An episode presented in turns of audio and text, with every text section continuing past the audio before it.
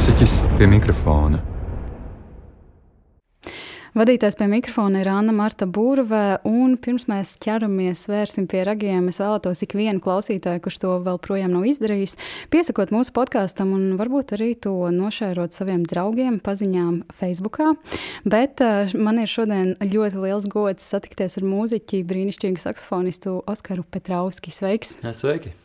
Oskar, um, kas tu teiktu ir tavas pēdējā laika aktuālākās domas, pārdomas, kas virmo tavā prātā? varbūt arī kaut kādi secinājumi ir parādījušies par kaut ko.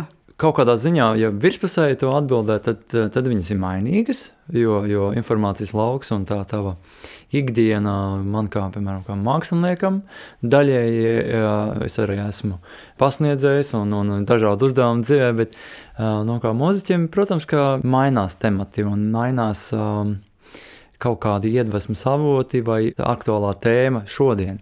Jā, es mēģinu kaut kā vienmēr iemācīt, noreaģēt uz to impulsu un, un notvert un realizēt, nepalaist garām. Godīgi teikšu, nu, galīgi nevienmēr sanāk, un, un kaut kas uh, pat desmit gadus ir atlikts un stāv joprojām. Un, un, un problēma tāda, ka tas laiks jau nepienāk, bet viņš aiziet. Jā, nu, tādas pamatvērtības, kas varbūt ir saglabājušās, visus jau var teikt, manus 40 gadus tagad droši pilnos. Galvenais, kas manuprāt, vispār cilvēcei nepieciešams, tā ir sirds, un tā ir mīlestība, un, un lai, lai tā, tā sirsniņa mums vienmēr ir karsta un, un viņa vibrē, un tad mēs esam atvērti viens otram. No, kas šodien, man liekas, ir um, īpaši grūti, grūti vispār atrast tādu pazīmi kā sirds balss vai um, prasmi būt atbildīgam pret sevi, pret citiem. Uh, no godīguma, nesautīguma. Visur nevaram, bet kas, kas pilnīgi kaut kā ir apgriezies otrādi pasaulē, ko es redzu, kad cilvēki ļoti nu, cīnās tikai par sevi. Tāpēc, laikam, mums šodien ir grūti, visai pasaulē ir grūti, jo nu, nāksies vien, mums viens otram palīdzēt, lai mēs mm -hmm. varētu tikt uz priekšu un dzīvot atkal mierīgāk un, un tā kā, kā pa vecam, kā teikt, mēs teikt, nezinu. Tas ir man tāda sajūta, bet jā, būtībā pasaule un cilvēks jau nav īpaši sarežģīts. Maz vajag, lai to labi justos, maz vajag, lai to būtu vesels. Pilnīgi kaut kāds dažas, dažas lietas pret sevi godīgi izpildot, tu vari ilgi, ilgi darboties un, un nezaudēt ikdienā kvalitāti gan, gan darbā, gan ģimenē, gan mājās, gan atpūtā. Un tādas tās laikam pārdomas, kuras bieži vien šajā pēdējā gada laikā piespiedu kārtā varējām mierīgi padomāt un apsēsties un ne, neskriet kaut kur vai izgāzt kādu melnzemes kaudzi un līdzinot ar, ar ķēru un, un lāpstu sajūt zāli, piemēram, savā teritorijā.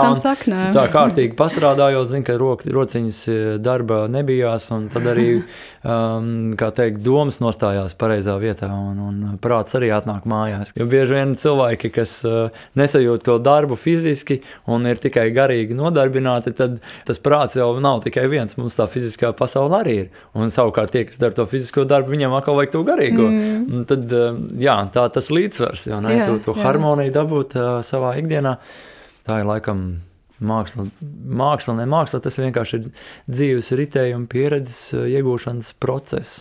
Kāpēc, tavuprāt, bieži vien cilvēki, ko tu jau pieminēji, šī harmonija, ka mēs mūsdienās bieži vien tiešām attālinamies no tās, mēs to nepamanām, mēs to neievērojam, kādi varētu būt iemesli tam, kāpēc tā ir? Un tad kāpēc ir tik ļoti jācīnās, lai šo harmoniju kaut kā atgūtu? Hm.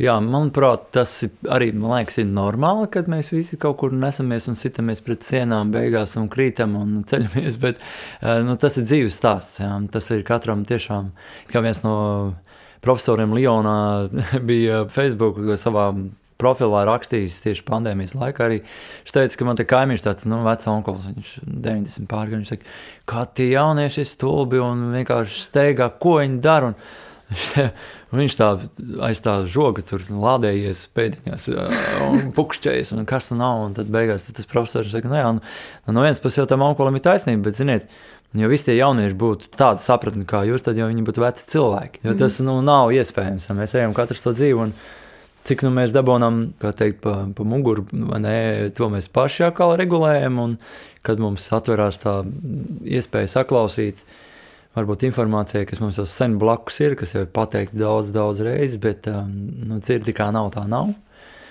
Un to es varu pateikt kā pedagogs. Man jau ir vairāk par desmit gadu stāžu, un uh, es redzu, ka vienkārši ir jaunieši, kuri atnāk ar savu ego, atnāk ar savu tādu baigo pārliecību, ka uh, te viss ir slikti. Un es zinu, kā vajag.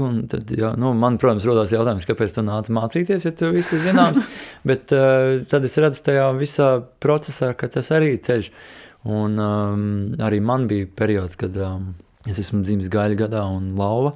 Un es kā baigi horoskopos tur tā neiedziļinos. Es esmu kristīts, viesvētīts cilvēks, bet es redzu kaut kādas paralēlas, kad ir tomēr eh, tam, tam zvaigznēm un visam ir sakritība. Un, jā, nu, mm, mērķtiecība, dzinuls, un tas, protams, bija kaut kāds brīdis, kad es turgalvīgi stūrēju pāri informācijai, ko vajadzēja ievērot.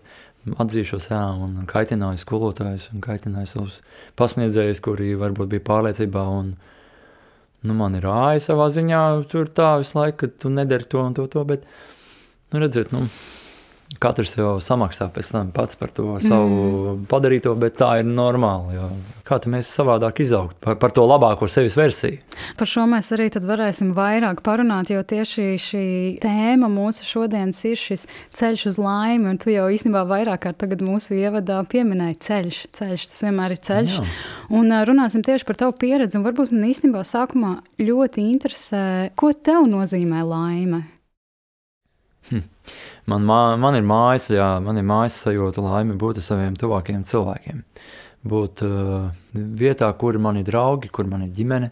Svešums, teiksim, tā ir daudz bijis uh, ārpus tātad, nu, mājām. Es esmu bijis diezgan daudz savos studiju gados, konkursu gados un, un koncerta dzīvē, un, un pat ir teikuši daudzi nu, tādi pieredzējuši cilvēki, kuri padzīvojuši Latvijā un arī pasniedzējuši, ka brauc projām, tur tev būs tā lielā karjera un tur būs viss tā laime. Tas pirmais, kas bija tāds vēstījums, un kaut gan es jau biju prom.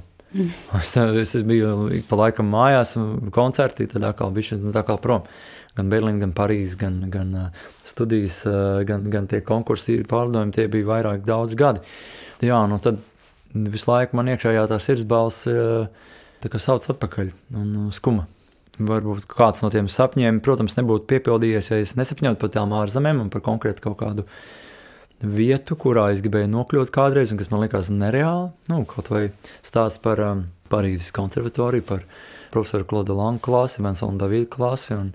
Tas man sapņ, sapnī rādījās, ka es biju 15 gadu vecumā, kas redzēja, ka atbrauc vienkārši īpaši mākslinieki no Francijas, no, no ārzemēm. Viņi spēlē kaut kā tā, ka es nesaprotu, kā viņi to dara. Un, un es savukārt sēžu savā klasē, gan mediņu vidusskolā, un, un muzikas skolā, un vienkārši vīlēju un spēlēju. Protams, pateicoties maniem vecākiem bērnībā un manai mammai un tētim, kuriem pieder gan muzikāla izglītība, gan tētim pieder liela muzikas kolekcija ar ļoti dažādu stilistiku. Un, Es jau zināju, ka tā influence man nāk no, no personībām, no, no kaut kādiem tādiem izpildītājiem, kas ir vienkārši nu, reāli personības. Viņi ir dzimuši tādi, viņi ar savu to esību, ar to, ko viņi dara patiesi.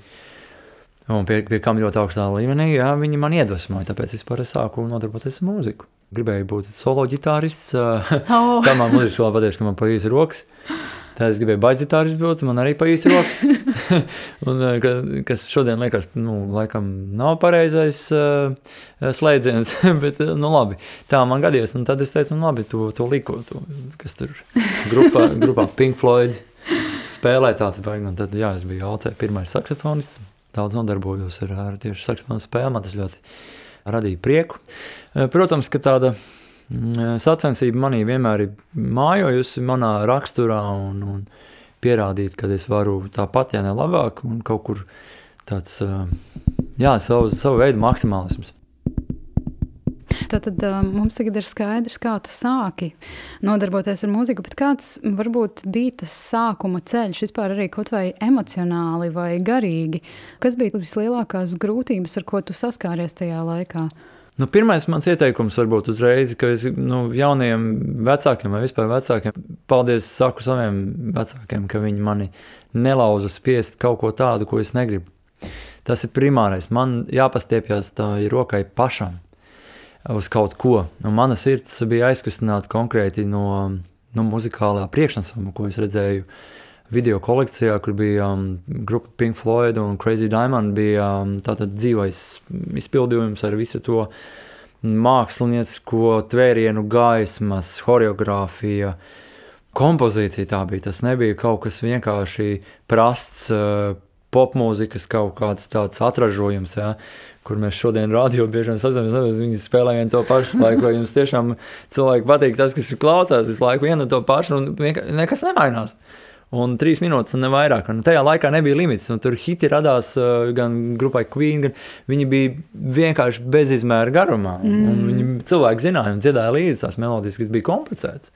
Nu, viens, tas man ļoti iedvesmoja. Tad, principā, es esmu tāds popmūziķis savā būtībā, lai, lai arī man tāda ļoti dziļa izglītība ir mūsdienu mūzika un, un uh, akadēmiskā mūzika. Uh, taču paralēli tam no, no paša, paša sākuma es esmu spēlējis Stevie Wonder, es esmu spēlējis gan mm. Bahu, gan Krauklītes sežu ozolā, gan uh, etniskās lietas, gan uh, 12, 13 gados iz, esmu izspēlējis visu džēzus standartu grāmatiņu kopā ar uh, džēzu brāļiem, kur bija maza grupiņa, bas, bungas, brālis spēlēja Rhodes, uh, tad klavieres, un tad pienāca beigās viols. Mēs spēlējām, uh, principā tādā, absolūti tādā inversijas sastāvā, kā var teikt, Raimondam Paulam. Bija, jā, un, jo mūsu skolotājs pirmais faktiski bija šim ansamblim Valdis Alvičs, kas bija inversijā pirmais basists. Mm -hmm. Un tad, jā, nu, kaut kā dieva ceļš tāds mums, mm -hmm. viņš mhm. veda, viņš mums tā kā deva, un, un mums bija uz katras tur tāda iedvesma. Un jūs arī gājāt līdzi? Jā, mēs vienkārši, nu kā mums iedvesma, es spēlēju, un es redzu, ka cilvēkam tas patīk, un man tas vēl vairāk iedvesmo, un es arī gribu atkal spēlēt to koncertu. Es gribu atkal spēlēt kādu slavenu melodiju vai, vai aranžēt būtībā procesā. Man tas ļoti patīk, jo tā arī Tā ir komunikācija. Bet vai skolā tev ļāva to darīt, vai skolā bija pietiekami brīva vide, lai Nu, es, es jums teikšu, tā, tajos uh, vēlajos 80. un 90. gadu sākums bija pat brīnos. Tas priekškars, tas viss bija salūzis, un, un cilvēkiem man, maniem vecākiem, tā ir paudzē, kuriem tagad ir 60, viņiem jau šausmīgi gribējās beidzot darīt to, ko mm. visu laiku neļāva. Mm. Jā, būt, klausīties to mūzikas skaļi, ko, ko nekad neļāva. Un, tā.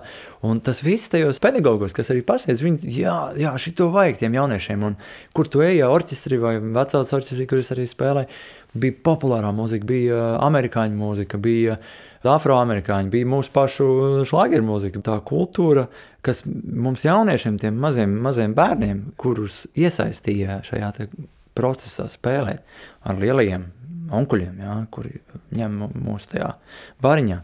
Tas, tas bija tas iedvesma, iedvesmas galvenais avots un, un primārais, lai būtu laimīgs cilvēks, viņam vajag iedvesmu. Lai tā sirds atverās, lai tās dvēsele, lai tās sirds ritmi, lai tās frekvences strādā, nu, pareizajos kosmiskajos ritmos. Nezinu, kā to varbūt zinātnieki izskaidrot, vai viņi nemaz, nemaz nespēja varbūt to izskaidrot. Es esmu pārliecināts, ka ir lietas, ko vienkārši tehniski nevar nosaukt un, mm. un uzzīmēt. Bet tā, jā, tā, tā mīlestība, kas, kas vienkārši dod to pareizo enerģijas apmaiņu, un tad nevar sadegt, jo tu esi visu laiku piepildīts. Un tas, tas ir tas fakts, ko es atminos uh, tagad, paskatoties, protams, ne viss tik balti gājis. Ir bijis melnais periods, kurā ir ļoti grūti gājis, kur ir uh, kaut kādas uh, pagātnes pēdas atstājušas savus, savus nospiedumus un, un nepareizās rīcības, tās ir tās konsekvences, kas izpaužās sākumā uzreiz, protams, veselībā. Visu mūžu, protams, es esmu sportojis un no ekstrēmiem sporta veidiem pārgājis varbūt uz mazāk ekstrēmiem, uz basketbolu, krosiņiem, fitnesu, svaru zāli un tā, kas man, jā, lika bišķīt mērenāk to procesu, netik traki, bet tāpat jau viss tā kaisla un tāda savu veidā spridzināšana saglabājās jau ilgi un dikti, un joprojām ir un patīk. Bet uh, procesā, kad uh, jauns un, un uh, vesels jau tikmēr uh, tu tērē sev. Netraucē nekas. Jā, un kaut kāds, eh, protams, aspekts, ka tu sāc pieaugt un iepazīt to pieaugušo pasauli un tādas ļoti nopietnas izaicinājumus, kas jau tā kā varbūt var teikt, tajā brīdī, kad tev liekas, ka tas paver vai aizver kaut ko tavā dzīvē, tad tu to ļoti nopietni uztver un tu sāc uh, ļoti eh, koncentrēties uz visām lietām, ko tu dari. Varbūt uh, kaut kur uh, augšanas procesā, kamēr tu esi pamatskolā, kamēr tu esi muzikas skolā, ir palaists garām svarīgs faktors veselība, veselīgs uzturs, atjaunošanās, pastāstīt, kādā veidā var labāk sasniegt kādu rezultātu, lai tu konkrētajā brīdī, konkrētajā punktā justos vislabāk. Un, diemžēl manā dzīves laikā neatradās neviens tāds padomu devējs tieši no šī aspekta. Es to atradu tad, kad man jau bija slikti. Tad atnāca viņi. Tas, ko es redzu, kā pasniedzējs, tagad, ka personību aspekts, kad um, katrs cilvēks ir pilnīgi savādāks. Katram cilvēkam ir savs laiks, savs tempi, un tad, lai viņu nesabojātu, tev tas ir jāierauga. Tāpēc mēs tajā pedagoģiskajā procesā esam ļoti atbildīgi pret mūsu valsts nākotni, jā, mūsu jauno paudzi. Un es ļoti gribētu lūgt visus klausītājus, arī tie, kas nekad nav bijuši pedagoģiskajā sfērā, tad tas ir ļoti, ļoti nopietns uzdevums un ļoti grūts psiholoģiski. Principā tu esi kā psihologs, ne, nu, tu neesi tikai pedagogs. Ļoti, ļoti svarīgs mirklis ir vispār pats pats sākums paši pirmie soļi bērniem, kuri atnāk tikko. No tā viss sākās. Un tad, tas, kas pie manis atnāk, tas jau ir rezultāts.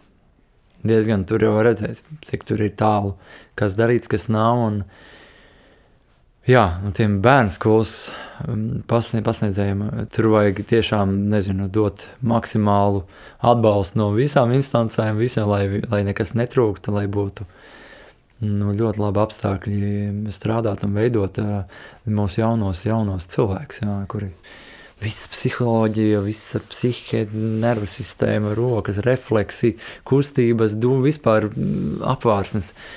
Nu, viss mums rokās, un tad pēc 10, 15 gadiem skatāmies, jā, kāda ir mūsu politika valstī. Kā tu teiktu, kas ir tās metodes, ko tu mm, teikt, pielietos saviem audzēkņiem, tad, kad viņi atnāk pie tevis pēc tām bērnu skolām? Kas ir varbūt tas? Nu, varētu teikt, jā, pienesums no tevis, ka tu tiešām centies ievērot katru -hmm. atsevišķi un tā.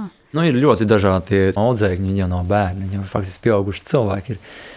Noteikti es varu palīdzēt um, grūtajās situācijās, tajās labajās situācijās jau viņi jūtas labi. Ja tur viss ir kārtībā, laimīgi, viss aiziet uz viļņu un viss notiek. Un, wow, un, tad, un tad ir kaut kādi brīži, kad, protams, ir um, tas kritiens. Un tie kritieni jau ir pilnīgi normāli un viņi ir sagaidāmi.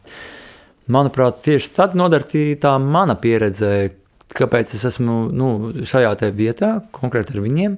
Ne tikai es varu parādīt, kā spēlēt saksofonu, kā tas vispār procesā notiek, ka tas ritenis ir uzbūvēts, bet uh, ir atkal tas psiholoģiskais aspekts, kurā brīdī kuram audzēknim kas nestrādā, vai uh, jāatrod, vai tas ir tāda fiziskā lieta, vai tā ir domāšana, nu, tad sākās tā mana piesaistīšanās vairāk un, un dialogs. Kā iet, kā jūties? Jā, nu, pilnīgi vienkārši tādā um, uz tu, uh, nevis uz jūs, mēs. Ja, ja pārāk tajos brīžos, kad grūti ir uz uh, nevar atvērties tas otrs cilvēks. Viņš viņam var, var, var just, ka tas audzēknis ir kaut kādā veidā aizslēdzies. Un, ziniet, nu, galīgi neiet ar katru pilnīgi ir um, savādāk. Un ir bijuši brīži, kad nav izdevies atslēgt, bet uh, kaut kas ir nostrādājis pēc tam, no tā, ko esam runājuši. Un tad atnāk paši klāt, klau, jā, reku ir tas, ko mēs runājam. Bet man vajadzēja kaut kādu citu padomu, un kaut kāds cits brīdis ir atslēdzis vaļā. Un, Nu, mans uzdevums ir maksimāli censties un, uh, un iedziļināties un būt kopā tajā brīdī ar savu audzēkni, lai dotu viņam to labāko atbalstu. Mēs neesam burvi, mēs esam mūziķi un, uh, un pedagoģija un psiholoģija un cilvēka tā būtība, protams, ir smalks pulkstenīts. Pietiek ar kaut kādu vienu nepareizu vārdu cilvēka dzīvē, kurš var pamatīgi izpostīt visu tālāko nākotni cilvēkam. Tāpēc es esmu ļoti uzmanīgs vispār no dusmu izvurdumiem, pateikt kaut ko tuvākam cilvēkam, ko pēc tam nemūžam es vairs nedabūšu atpakaļ. Nu, nevar iedvesmot, vai nevar kaut ko pateikt. Nu, tad varbūt neko nepasakām, vai pagaidām aizjām iedzert teju. Brīdis paies un atnāks varbūt tā, tas brīdis, kurš nesīs pareizo atbildi. Klaus, īstenībā, baigi pieķēros tai domai, ko tu pirmie teici par tiem jaunajiem cilvēkiem, kuriem principā visas durvis ir atvērtas, un viņi jau viņi ir enerģiski, viņiem arī ir ļoti daudz resursu iekšēji, bet tad pienāk kaut kāds tas viens brīdis, kad tiešām nāk tas kaut kāds lūziens, ja viņi nav pievērsuši uzmanību kaut vai tīri elementārām lietām, kā mhm. uzturam un Jā. vispār psiholoģiskajai veselībai. Un es arī domāju par savu pieredzi. Es atceros, ka skolas laikā visi teica, ka, nu jā, tad, kad tu sāksi studēt universitātē, tad būs ļoti grūti. Un ar to savu skolēnu domāšanu es domāju, ka grūti nozīmē, ka būs ļoti daudz jāmācās un būs ļoti daudz mājas darba. Bet neviens nepateica, ka tas grūti būs tas, ka tu izies lielajā dzīvē, ka tev būs jādomā par to, kā tu dzīvosi, kā tu nopelnīsi naudu. Nemaz nerunājot arī par personīgos dzīves uzturēšanu. Vai tu varētu padalīties ar to, kas varbūt ir bijuši tie lielākie buksējumi tavā dzīvē, kas ir tiešām iebuksējuši to tavu ceļu uz laimi? Nu, ziniet, ja manī nebūtu kaut kāda tāda sūtība. Tā ir baigā enerģija, ko iedod augstākais, ko iedod Dievs. Viņš manī vienkārši ir uh, ielicis uh, kaut ko tādu, ko nu, īsti neviens nespēja salauzt. Bija cilvēki, kas gribēja salauzt to. Vienkārši ne jau tāpēc, ka viņi varbūt domā, ka viņi gribo, gribēja varbūt to labu vēlēt ar saviem padomiem, bet ir bieži vien tādi padomi, kuri tiešām uh, liek tev šaubīties. Un uh, vienīgais, ko es varu tagad spilgti pateikt, kad uzticieties savam vēderam, uzticieties savai tai iekšējai tam sapnim, kas nevienam nav skaidrs. Tas ir jūsu sapnis. Tas ir piedzimis jau bērnībā, un viņš ir tik visu laiku jums blakus, vai runā viņš ar jums. Ja? Nu, nevajag viņu noslāpēt, jo viņš apvainosies, viņš aizies, viņš vairs ar jums nerunās vispār. Un tad jūs nesapratīsiet, kāpēc jūs esat nelaimīgs joprojām. To sapni ir jārealizē. Bet viņi ir jāiet. Tikai tādā veidā tu to laimi var sajust. Un visi, kas grib, un pārsvarā daudz cilvēki grib kaut ko vai no aiz skaudības, vai no aiz uh, vienkārši nezināšanas, vai kāds ir vienkārši informējies no kāda sociālā tīkla, izlasījis Delfos, TV kaut ko, un tagad mēģina to uzlikt kādam virsū. Tas neder. Mēs esam īpaši, mēs esam unikāli. Mums ir katram savs ceļš jāiet. Mēs nevaram būt kaut kas, vai es nevaru būt tu, lai es kā gribētu tik skaists būt, vai kāds nevar būt es, vienalga, nu, tas nav pareizi. Un tev ir jādabūna tas savs centrs, kurš neļaus jebkādā vētrā pazust. Jo mēs pazūdam tad, kad mēs pazaudējam savu to būtību, savu iekšējo pamat pārliecību tajā, kur es eju. Un tās šaubas, viņas ir pilnīgi laikam arī dabīgas. Ja viņas nebūtu, tad tu nespētu atšķirt to brīdi, kad tu šaubies, un ka tu atkal tu tomēr nepadevies, bet izdarīji to, kam tu ticēji. Un, un reku ir rezultāts, un tā kā nebija vajadzīgs tās šaubas. Un tas katru reizi māca trenēties, tikt no viņām vaļā. Tā kā treniņš. Jā. Kad tev vienmēr pirms koncertiem uznāk kaut kāda manāža, vai, vai tev atkal ir uztraukums, vai aha, un tad beigās, pēc kādiem gadiem, desmit, tu sāc saprast, ko tad tu dari nepareizi, kāpēc tas uztraukums tev var būt visu laiku vajā un kurā vietā viņš tur iesprūdis. Ir. À, izrādās, tu nepareizi elpo. Jā, un elpošana apstājās. Visas distonijas un nervus lietas, kuras bieži vien mums piedēvē, kuriem ir lēkmes un, un, un spiedienu maiņas un sirds klauvis un kur nu svīstam. Un mēs vienkārši esam jūtīgi cilvēki. Un tieši tas brīdis, kad skolās un, un, un dzīvē ir tas treneris, ja viņš atrodas, kurš mums pamāca pareizi atjaunoties, tad noteikti tie ir superīgākie cilvēki kuri jums uh, novēl un paredz to olimpisko medaļu. Jo tādā veidā jau tikai tas viss uh, spēja notikt, ja tu spēj atrast sev brīdi nomierināties un apstāties, sakrāt spēkus, lai tu varētu nu, iet to izvēlēto ceļu. Tā kā tā, tā dzīvošana un steiga un visu laiku apkārt kāds tev kaut ko modina, piedāvā, vienkārši ir pa daudz. Un ja, ja to iemācīsim bērniem, ja mēs to iemācīsim no paša sākuma, beidz lēkāt, netirinies tik ļoti jā, savās izvēlēs, izdari kaut ko kārtīgi, tad tā laime pienāks pat pa sevi. Jo tu novērtē to procesu no A līdz Z, un tu saproti, ka reku, tā tas notiek. Un, katrs tas pamestais solis, viņš rada to trauksmi, jo tas ir, nu, nu kā, ir nepadarīti darbi. Ir kaudz ar nepadarītiem darbiem. Viņš krājās, krājās, krājās, beigās, nu viss tu tu esi pilnībā aizmisumā. Un tad mūsu nervu sistēma, kaut kur smadzenēs kāds no drošinātājiem, vienkārši pārdeg. mūsu līdzsvars izšūpojas. Tā, nu, tā īstā enerģija, kas kā sākumā, ko es runāju par to mīlestību, to deksmi, ka viss strādā kā nu, vienkārši pa vējiem, tas viss sabrūk.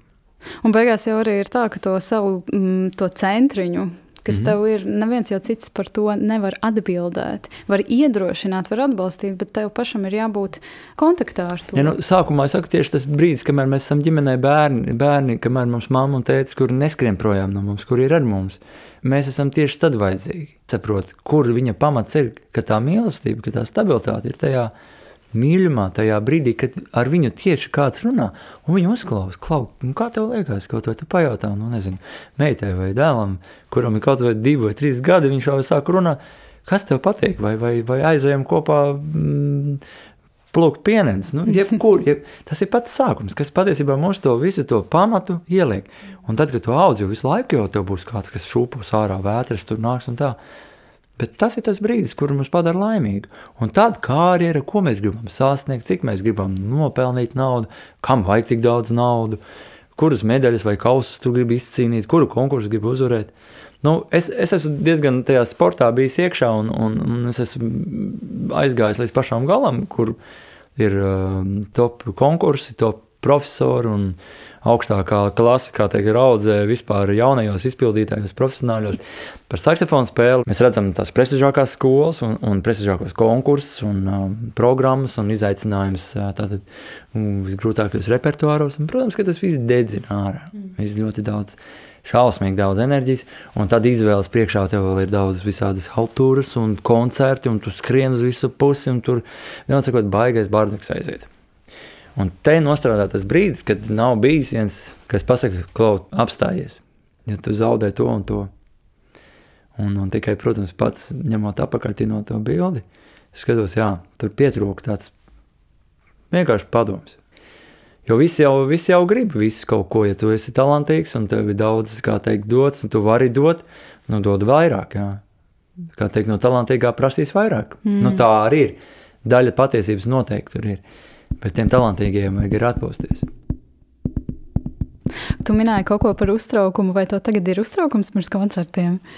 Atkarībā no ko es spēlēju. Oh. Es spēlēju kaut ko, kas ir ļoti um, maz, maz spēlēts. Jā, ir ļoti ātros um, tempos jās, jāsavāc un jāperformē, un tas ir atbildība pret tātad kādu kompozīciju. Tas nav mans improvizācijas, vai nav manā, manas oranžijas, vai es nespēlēju tādu mūzika, kurā šis semi-kompozīcijas process, kur ir rakstīts un improvizācija savienojās, tad dažādi. Bet man arvien vairāk skaidrība ir par to, ko es gribu un ko es negribu darīt. Un tas, ko es negribu darīt, es negribu darīt neko pēdējā brīdī. Ja man grib no manis sagaidīt, kā izpildītāji, to, ko parasti cilvēki atnākot uz koncerta dabu, kad ir kvalitāte, kad ir konceptuāli izdomāts, un ka tas viss ir tādā pamatīgā gatavībā. Ja? Tad jaunībā man pietrūka šīs lietas, ka bija kaut kur baigā steiga un kaut kur tas. Man ir tādi diezgan nu, kuriozi stāsti arī, kur, kurus es pats uh, sevi izblamējis. Un, zinot, nu, jā, šos te, steigas uh, mirkļus, bet tāda ir dzīve. Jā. Nu, to es atkal mm. tagad nevaru atgriezt, bet nu, pats vainīgs. jā, pats, pats darīja. Jā, nu, tas tā ir izvēle. Tev noteikti agrāk skolas, vidusskolas, varbūt augstskolas laikā bija tā, ka kā jaunam cilvēkam, jaunam šim izpildītājam, māksliniekam, kurš tiešām braukā pa konkursiem, tā ir ļoti patiesībā liela spriedze un noteikti ļoti liela atbildības sajūta. Kā tu tad tiki galā ar kaut kādiem šiem uztraukumiem, varbūt spiedienu? Es varu pateikt, tā, ka man bija vienā brīdī man bija divas augstskolas. Viena bija Berlīnē, viena bija Latvijas Mūzikas akadēmija, kuras es teikt, pabeidzu vienā laikā. Vienā pavasarī man bija vairāk gadi tādi, un, un es biju paspējis arī vēl Parīzē iestāties. Un tad eh, paralēli vēl bija kā trīs uh, lieli konkursi gadā, nu, tā diezgan regulāri. Man viņi bijuši kādi ap 30, vispār 35 dzīvē. Lielākā daļa, kas ir uh, sākot no mediņu vidusskolas, um, viņi jau ar vien nopietnāk. Un, un, nu, ziniet, Neviens tev nevar pateikt, kā to paveikt. Tev var, protams, palīdzēt ar padomu, var paklausīties no malas, pateikt tā, bet tajā brīdī, kad tu esi, teiksim tā, nu, vidusskolas beigas un augstskola, tur sākās uh, tava spēle.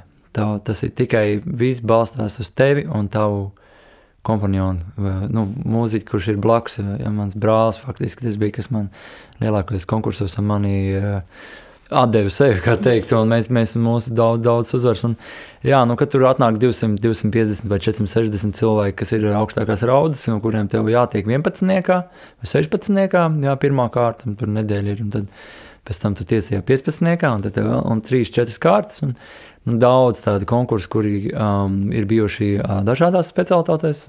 Eiro radio konkurss, kur bija finālā no, nokļuva ar diviem violniekiem. Viens izrādās izvēlējies bija Čaikovska vioļu koncertu, un otrs Sibērijus. Un es, es esmu saksofonists. Jā, visu, un, nu, tu, tu dabūni cīnīties nevis tikai ar sevi, bet tu dabūni cīnīties ar apstākļiem un priekšstatiem, kas sēž komisijā, kā viņi domā. Viņiem saksofons ir pilnīgi jauns. Nu jā, saksofons, saksofons. Un tāda stāsta joprojām ir arī šeit šodien, un ir kaut kāda tāda paudze, kas visu laiku tā kā palikuši pie kaut kādiem tādiem iestrādēm, ka, jā, nu, saksim, bet, nu, violu un čēlis un klavieres, protams, nu, visu cieņu, fantastiski instrumenti. Bet mēs dzīvojam 21. gadsimtā. Mēs esam pilnīgi savādākā jau situācijā, un visa mūzika ir pārvērtusies, visa tā pasaule, kas šodien ir. Viņa galīgi vairs nav tāda. Mēs, mēs runājam par džēzu valodu, vispār tur ir tagad uh, diskusijas, kas tas ir.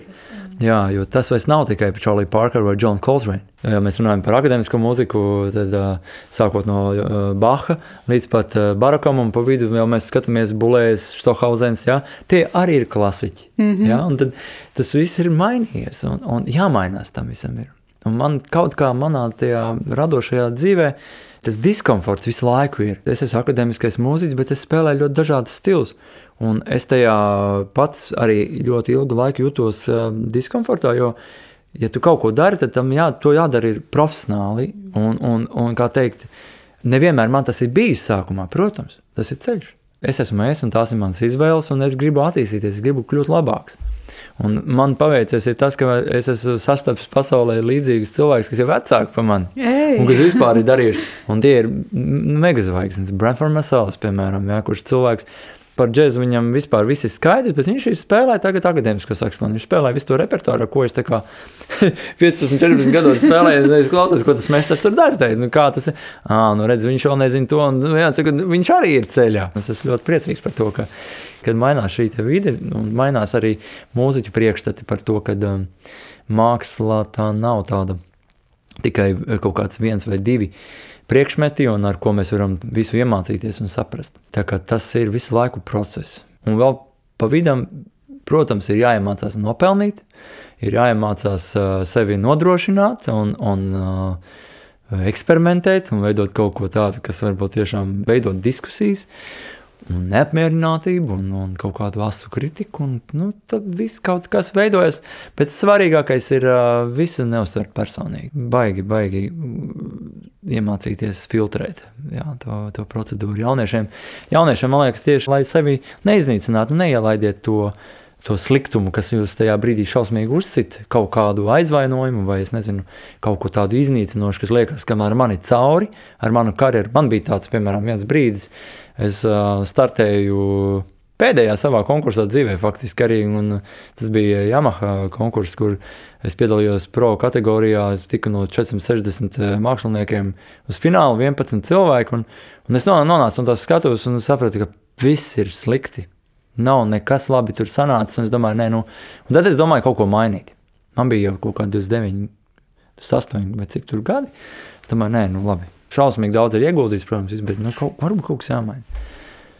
Pēc kaut kādām 20 minūtēm viņi man pasludināja par uzvarētāju, par Prix ieguvēju, un tad es sapratu, ka vispār ar mani nav labi. Jo es esmu acīm redzot tik neobjektīvs un noguris, ka es nespēju vairs nu, nošifrēt, kas notiek. Mm. Un tev vajag pauzi.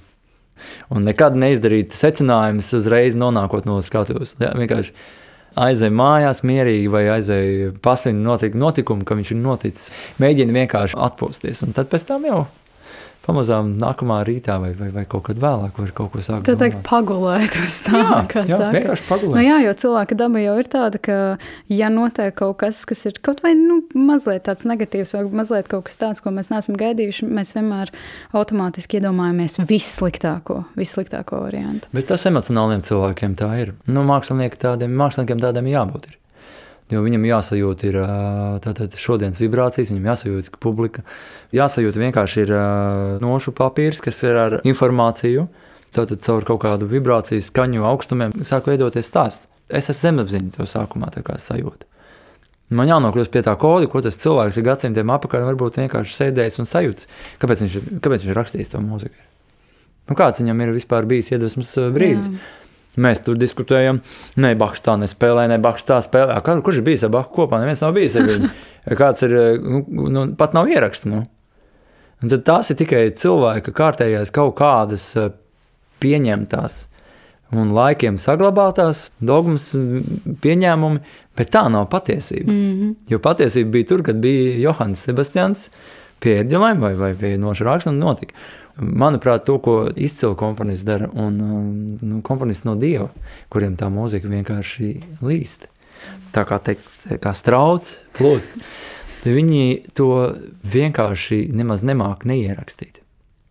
Un man tieši ir izdevies dzīvē satikt tādu kā Gija Kančelī, kurš katru reizi, ko es spēlēju, jebko, kādu melodiju, viņš man atver vienkārši ceļu uz mīlestību, uz sajūtu, uz dzīvību. Un tāpat ar Bahu mūziku, jā, kur, diemžēl, gadsimti atšķirīgi nespējām būt tur, kur viņš, bet ar, ar Kančelī kungu viņam ir, ir kaut kas tāds, kas arī ir iedots. Jā, viņš nes tālāk, bet tā ir tā dvēsele man šī pasaule liekas daudz aizstošāka nekā intelektuālā pasaule, kur viss ir izdomāts. Lai gan es esmu daudz spēlējis tādu mūziku, kurā arī ir prāts, kur ir daudz pārdomātas lietas un konceptuāli viss tur. Tad, bet es esmu maz atradzis tādus izcilus darbus, kas man liek, liek sajust, kāpēc tā. Nu, tā ir kaut kāda vibrācija. Jā, nu, nezinu, būt, būt dzīvam. Neizlikties par to, kas tu neesi. Jo kam? Mēs tagad ļoti daudz maskas velkājam. Covid laiks ir forši, ka maskas krīt, jo ir tik nopietni temati, kad viņi cilvēki nespēja vairs izlikties. Viņi vienkārši ir, nu, viņi visas, visas to es, nu, maskas ir nokritušas. Mūziķis pie mikrofona atpūšas. Klau, vai tu esi cilvēks, kas absolūti visu laiku dzīvo mūzikā, vai arī tev kādreiz izdodas no tās abstrahēties, vienkārši lai varbūt atpūstos? Es laikam esmu tas, kas visu laiku dzīvo, bet man, man tas, tā mūzika ir dažāda. Es, es pilnīgi kaut ko klausos dažkārt tādu, kas ir radio, vai, vai vienkārši uzslēdzu kaut kādu no, no bērnības mūziku, uzliek, kas man vienkārši patīk. Saksofonists eh, es gandrīz neklausos. Tas gan. Nu, tas ir saistīts ar darbu. Tā, tā, jā, man kaut kā klausos, bet uh, citā žanrā meklēju kaut kādu, nemeklēju vienkārši, kas atnāk. Un šādi vienkārši ir kaut kāda interese pēkšņi, kad, ah, kas tas tāds vienkārši uzklikšķina. Bet, bet būtībā man mūzika, jā, mūzika manī, manī, manī dzīvo visu laiku. Vai tev ir kaut kāda vaļasprieka, piemēram, arī kaut vai tu uzslēdz mūziku, vai tu kādreiz kaut ko dari arī paralēli, nezinu, ēst taisi vai kaut ko citu? Nu, es, es sportoju, tātad tas, kas man arī ļoti patīk, un es bez, bez sportošanas nevaru. Es jūtu, ka es pilnīgi palieku ne, ne es. Tas gan. Man vajag iet, man vajag sportot, vajag Ko skriet. tieši dari? Krosiņš vai, vai, vai svārzāle, basketbols vai riteņbraukšana. Kaut kāds aktivitātes tenis arī, kas pēdējā laikā, pēdējos gados man ļoti aizrauja. Un, jā, peldēt jāiet, jāiet peldēt. Un tagad sieva man uzdāvināja skrituļslīdes, es sāku skrituļot. Hey. Man bija viens stāsts, kurš bija divu nedēļu atpakaļ. Es biju pirmo reizi skrituļslidām. E, es mācījos slidot uz nu, tātad, hokeja slidām, bet ļoti slikti. Un es aizgāju uz Daugos promenādi vēl vakarā svētdienā, lai pamēģinātu, nu, kā tas ir. Nu, Baigi foršas, nu, skrituļs rīktīgi. Nu, nu, vienkārši viņas ir tik forši izskatās, ka viņās gribas iekāpt un visus tos aizsargus uzvilkt. Un, un, Es aizgāju to promenādu, tad asfalts forši un cilvēki, tā kā baigi daudz cilvēku. Un es uz, uz, uz valku, un tur sēžu, viss sašņorēju un aiziet. Un pirmie viens, divi, trīs kārtībā, un es domāju, pamēģināšu nobremzēt, un vienai slidēju reāli bremzīt. Un tad man bija tāds pus uz mutes nokritiens, un tad kaut kāda kundze nāca suni, viņi to redzēja, bet nu, tie bija 100 metri apmēram. Un es kā kaut kādus tur pēc tam kilometrus biju tā smuki aiz, aiz, aizdevies un devos atpakaļ. Un visi tie cilvēki, kas nāca man pretī, viņi bija apmēram. Nu, Viņi gāja nevis pa asfaltam, kaut gan viņš bija liels, plašs, nu, diezgan liels, tur kaut kā trīs metri. Viņi gāja pa zāli. Es saprotu, tiešām tik traki. Man liekas, ka tas izskatās labāk. Nu, tad jāsaka tā, bet man, man neradīja kompleksu, vienalga kaut ko uzsākt, kas man nepadodas galīgi. Nu, es esmu tīzlis. jā, nu, tā var teikt. Jā. Nu, es notizlojos diezgan forši. Nu, tad, jā, nu, tad Te nu, te nu ir, bet, bet eh, man joprojām ir, uh, ir tagad jau treniņi, un es eju un tre, trenējos, gribu būt labāks uh, skrituļotājs. Klau, varbūt noslēgumā, Oskar, kāds tu teiktu ir tavs dzīves moto, ar ko tu varētu dalīties arī ar klausītājiem? Nepadoties, jā. Manuprāt, tas ir labākais moto, kāds var būt. Vienkārši nepadodies. Ja ir kaut kas tik stiprs tevī uzrunājošs, nu, kā mēs to saucam par sapni, ej tam līdzi, seko viņam, vai, vai vienkārši kaut vai sapņo, bet svarīgi darīt. Jā. Un uh, vienā brīdī jāpārtrauc domāt, bet vairāk vajag darīt. Un tad, kad tu dari, tad tu sāc saprast, kas no tā nāk ārā, vai, vai kas izdodas. Un uh, noteikti iesaku nesacerēties, neuzbūrt to bildi, gala bildi, kaut kādu jau, kuram ir jābūt, cik gados, un jau nezinu, uh, Tā kā, nezinu, Amerikā vai modelis, kurā gados tev jābūt tik, un tā, tas viss nestrādā realitātē, lai laimīgs cilvēks būtu. Katram pienāk tas brīdis pašam, un, un uh, nekādā gadījumā nesalīdzināt. Tas ir kaut kādi pilnīgi sliktākie brīži, ko cilvēks, nu, es runāju varbūt par pilnīgu pamatu, bet varbūt kādam tas noder. Un acīt apakaļ normālās sliedēs, kad uh, vienkārši nomierinies, apsēdies, aizmirsti tajā brīdī par kaut ko, ja ir grūti. Ļauj sev attiekties, un, un tad, kad tu jūti atkal spēkus, ej tālāk. Vienkāršāk tver to un, un neaizmirst to, ka cilvēka tas organisms, viņš ir domāts, tad, kad saulīt iet gulēt, tad viņam jāiet gulēt. Tad, kad saulīt mostās, tad viņam jāmostās. Un ja mēs šito atcerēsimies, mēs būsim veseli. Brīnišķīgi, Oskar, liels tev paldies par paldies šo sarunu. Un mēs ar jums, radio klausītāji, tad jau tiksimies pēc nedēļas podkāstā Mūziķis pie mikrofona. Mūziķis pie mikrofona.